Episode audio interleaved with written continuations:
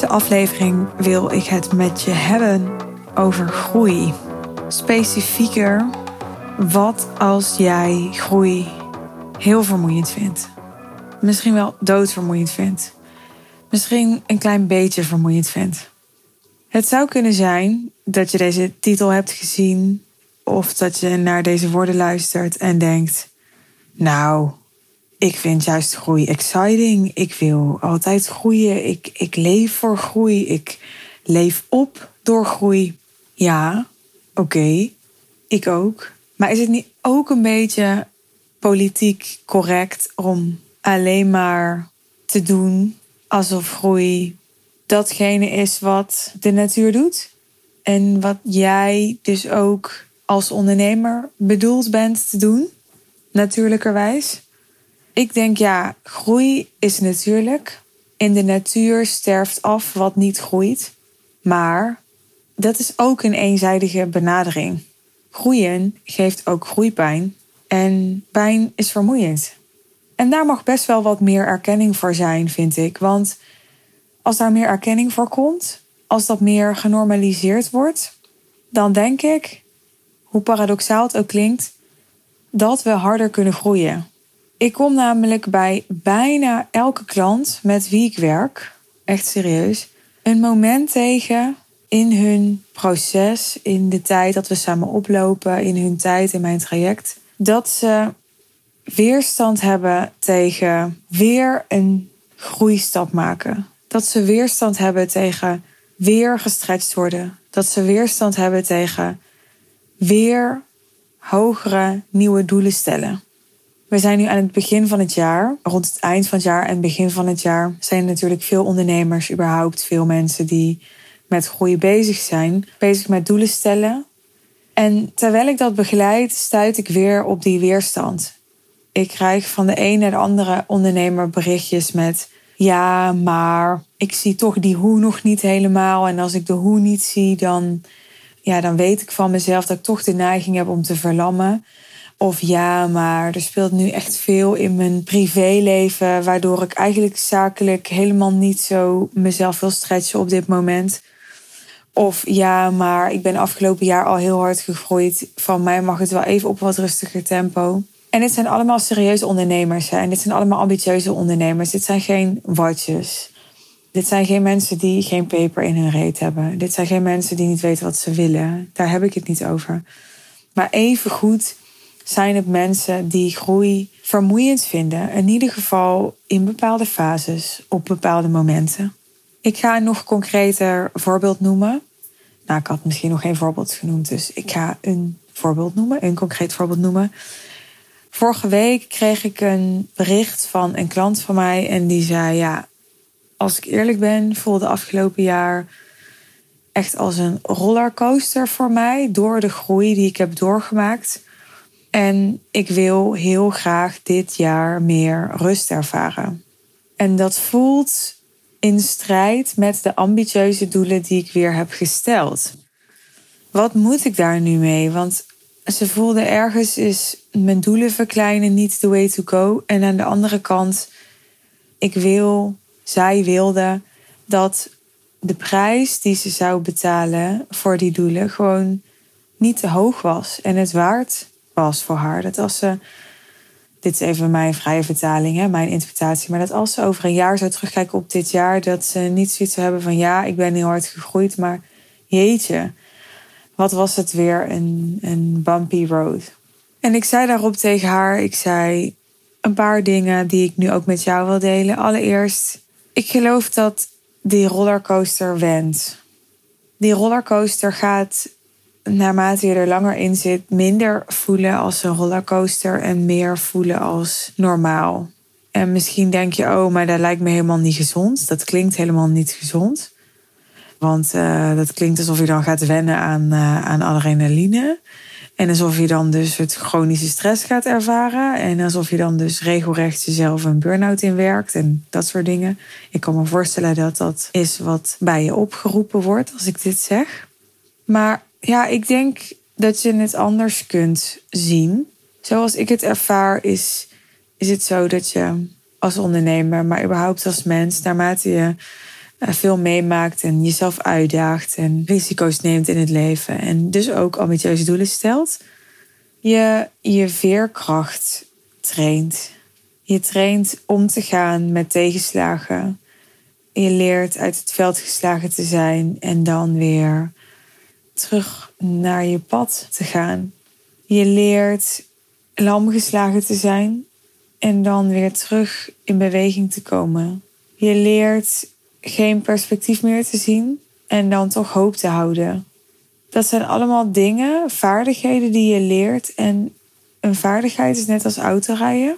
Als je nog aan het leren bent om auto te rijden, dan, ik weet niet hoe jij het hebt ervaren, maar ik vond mijn rijles heel vermoeiend. Ik weet nog dat ik moest gaan sturen en spiegels kijken en gas geven en schakelen tegelijk. En nou, ik vond het echt heel veel in het begin. Ik dacht echt, hoe is het mogelijk dat bijna iedereen in Nederland dit kan? Ik was echt mega gefascineerd. Was ook omdat ik er echt geen talent voor had. Maar goed, dat terzijde. En zo is het ook met groeien. Ik denk, groeien is ook een soort skill. Als je groeit, krijg je te maken met weerstand. Krijg je te maken met ongemak. Krijg je ook te maken met het positieve van groei. De kick die je krijgt van groei. De voldoening die je krijgt van groei. Maar waar je ook gehecht aan kunt raken. Dus dat is ook iets wat je te leren hebt, wat mij betreft. Dat als je succesvol bent, wat vaak ook het geval is als je groeit, dat je successen behaalt, dat je daarvan kunt onthechten. Dat je daar niet je eigen waarde uit gaat ontlenen. Het zijn allemaal dingen die je moet leren. En, en dat leerproces, dat maakt die rollercoaster. En hoe meer je aan het begin van dat leerproces staat, hoe meer je het als rollercoaster ervaart. Hoe verder gevorderd je daarin bent, hoe natuurlijker die rollercoaster en die, die fase en ja, alle emoties die je tegenkomt tijdens zo'n groeiproces, hoe, ja, hoe moeitelozer die je afgaan. Iets anders, wat ik ook met je wil delen hierover, is dat het belangrijk is om je te realiseren dat, wat mij betreft, de omstandigheden niet jouw binnenwereld hoeven bepalen. Sterker nog, je wil liefst dat de omstandigheden, dat wat je meemaakt in je leven, of het nou goed is of slecht, dat je daar niet emotioneel afhankelijk van bent. Dat jouw binnenwereld niet per se afhankelijk is van wat er gebeurt in jouw leven. Dat is iets waar meditatie heel erg bij kan helpen. Meditatie kan je helpen om te kijken naar je eigen gedachten en daarmee boven de gedachten die je hebt over de omstandigheden die er zijn te staan. Waardoor je altijd terug kunt naar een uh, ja, soort oorspronkelijke staat van zijn, ongeacht de omstandigheden. Een staat van zijn waarin het neutraal is, waarin je je misschien niet euforisch voelt, maar ook niet overweldigd en gefrustreerd of, of wanhopig of te neergeslagen. Want dat soort emoties worden bepaald door gedachten die je hebt. En de waarnemer die jouw gedachten waarneemt, die kijkt naar die gedachten, maar die is die gedachte niet. En die is dus ook niet de emoties die daaruit voortkomen. Dus ook een belangrijke is je binnenwereld blijven trainen. Je gedachten beter leren masteren. Dat maakt dat je evengoed hele ambitieuze doelen kunt hebben en toch de rust zelf kunt zijn. Natuurlijk niet altijd. Dat is helemaal niet menselijk en daarmee ook helemaal niet wenselijk. En wil je dat ook helemaal niet verwachten, want daarmee ga je jezelf alleen maar teleurstellen. Maar wel in de basis. En als je er dan even uitschiet en je identificeert je wel eh, met al die gedachten en al die gevoelens die je weer die rollercoaster laten ervaren, dan zul je door het oefenen wat je hebt gedaan merken dat je steeds sneller terug kunt naar die waarnemer. Die kan zien, oh, ik deed het weer, het gebeurde weer, ik werd er weer in meegesleurd. Nog iets anders wat ik hierover wil delen is, realiseer je dat een groter doel gemakkelijker te behalen is dan een kleiner doel.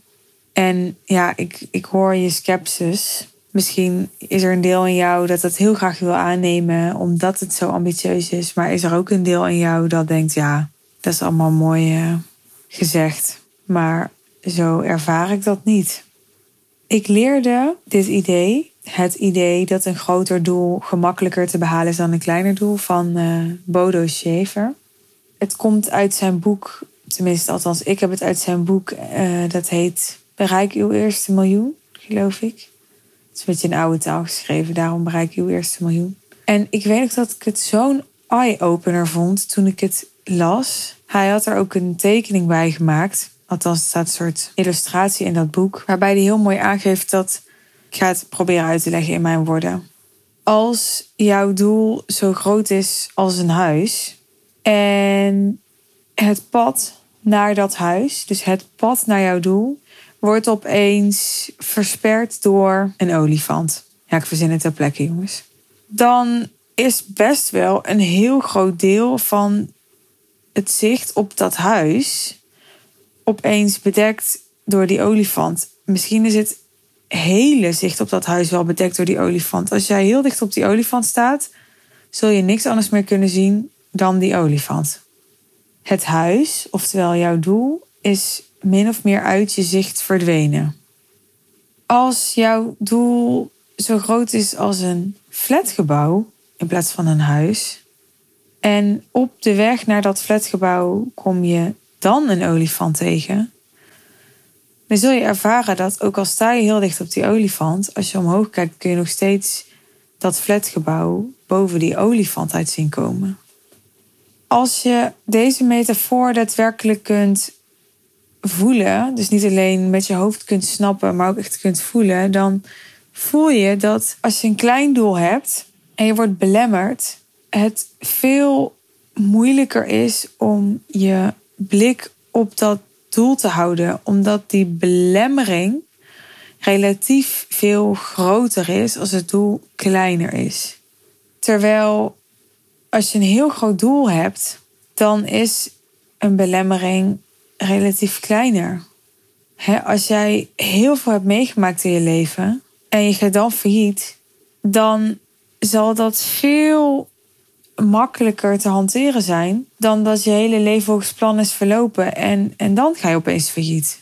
Dat is ook hoe het werkt met een groot doel. Een groot doel maakt dat je er zicht op kunt houden. Dat het groot genoeg is om het altijd in je vizier te kunnen houden. Daarmee om het altijd aandacht te kunnen geven. En wat je aandacht geeft, groeit. Ongeacht de belemmering of het obstakel dat je tegenkomt onderweg daar naartoe. Nou, even terug naar het, het thema van deze aflevering. Het is dus een mindfuck om te denken dat een ambitieuzer doel moeilijker te behalen is en je daarmee meer onrust gaat geven. Een van mijn mentoren zei altijd: veel geld verdienen is makkelijker dan weinig geld verdienen. Dat is een mindset die ik mijn eigen heb gemaakt en waarvan ik inmiddels ook heb ervaren dat het echt waar is. Want naarmate je meer geld verdient, kun je veel meer naar je hand zetten. Je kunt meer support inschakelen. Je kunt meer uitbesteden. Daarmee kun je meer in je zone of genius zitten. Je kunt de voorwaarden creëren voor jezelf waarop jij het beste tot je recht komt. Je kunt de beste mensen inschakelen die jou kunnen faciliteren in, in wat je dan ook maar nodig hebt of wat je dan ook maar verlangt. Dus geld maakt niet zozeer gelukkig, maar meer geld maakt het leven en ook het ondernemerschap wel makkelijker en niet moeilijker. dus denk niet dat een ambitieus doel gelijk staat aan dat je inlevert op kwaliteit van leven. Want dat is precies waar ik ook niet voor sta, wat ik ook niet voor je wil. Ik wil dat je business in de eerste plaats jouw ideale leven kan faciliteren. En als je daar voorbij bent, en daar ben je op een gegeven moment voorbij, dan kun je verder kijken dan jezelf. Dan is er echte overvloed. Dan kun je gaan betekenen voor je team. Dan kun je gaan betekenen voor je dierbaren, je familie, je vrienden. Dan kun je gaan betekenen voor mensen die minder kans hebben, überhaupt minder hebben dan jij. Voor goede doelen die je belangrijk vindt. Voor maatschappelijke issues die je aan het hart gaan. Dat allemaal te kunnen doen, die financiële capaciteit hebben, maar niet alleen financieel, ook in tijd, dat maakt het juist makkelijker. dat maakt dat je de omstandigheden kunt creëren, het leven kunt creëren waarop je kunt opladen als het nodig is, waarop je kunt uithuilen als het nodig is, waarop je kunt lachen als het nodig is, waarop je, ja, waarop je nogmaals het leven meer en meer naar jouw hand kunt zetten. We hebben geen controle, we hebben geen garanties, we hebben geen zekerheid, geen veiligheid, maar we hebben wel invloed. En die invloed wordt groter naarmate je meer hebt. En je hebt meer naarmate je hogere doelen stelt. Daar had ik het over met een klant tijdens coaching vorige week. Zij had als eh, best goal voor dit jaar 500.000 euro. Ik had met haar gesprek over wat als je er een miljoen van maakt. Ik denk als je er een miljoen van maakt, even intuïtief gezegd, dat, dat de kans dat je de 5 ton haalt echt 5, 10, misschien wel 20 keer zo groot is. En waarschijnlijk haal je 6, 7, 8 ton en misschien haal je de miljoen wel. Maar als je hem niet haalt, dan is de kans nog veel groter dat je veel betere resultaten behaalt dan dat je een lager doel stelt. Ik kan me voorstellen als je naar luistert, je denkt, ja, maar ik heb op dit moment even niet de behoefte aan meer. Dat kan, dat mag. Net zoals je ook eerlijk mag zeggen, ik heb al heel veel. Ik ben al super dankbaar. Ik voel me al gezegend. Maar ik wil nog veel meer. Als je het gevoel hebt dat je niet meer wil, dat je niet een behoefte hebt zozeer aan meer, zou het dan kunnen zijn dat je dan misschien te veel gefocust bent op het financiële? Want een ambitieus doel hoeft niet per se monetary te zijn, zoals ze in het Engels zeggen. Er is ook een klant bij mij gekomen een hele tijd geleden. Die zei: Ja, Suus, ik hoef eigenlijk niet zo nodig te groeien in omzet. Maar ik wil wel een business waarbij ik niet meer avonden werk, niet meer weekenden werk. Waarbij ik veel meer winst overhoud. Waarbij ik minder kleine projecten doe en echt alleen de leukste klantenservice. En daar mag je ook ambitieuze doelen op stellen die dus niet altijd gaan over meer geld, maar die bijvoorbeeld gaan over minder werken of minder concessies doen in de manier waarop je met klanten werkt.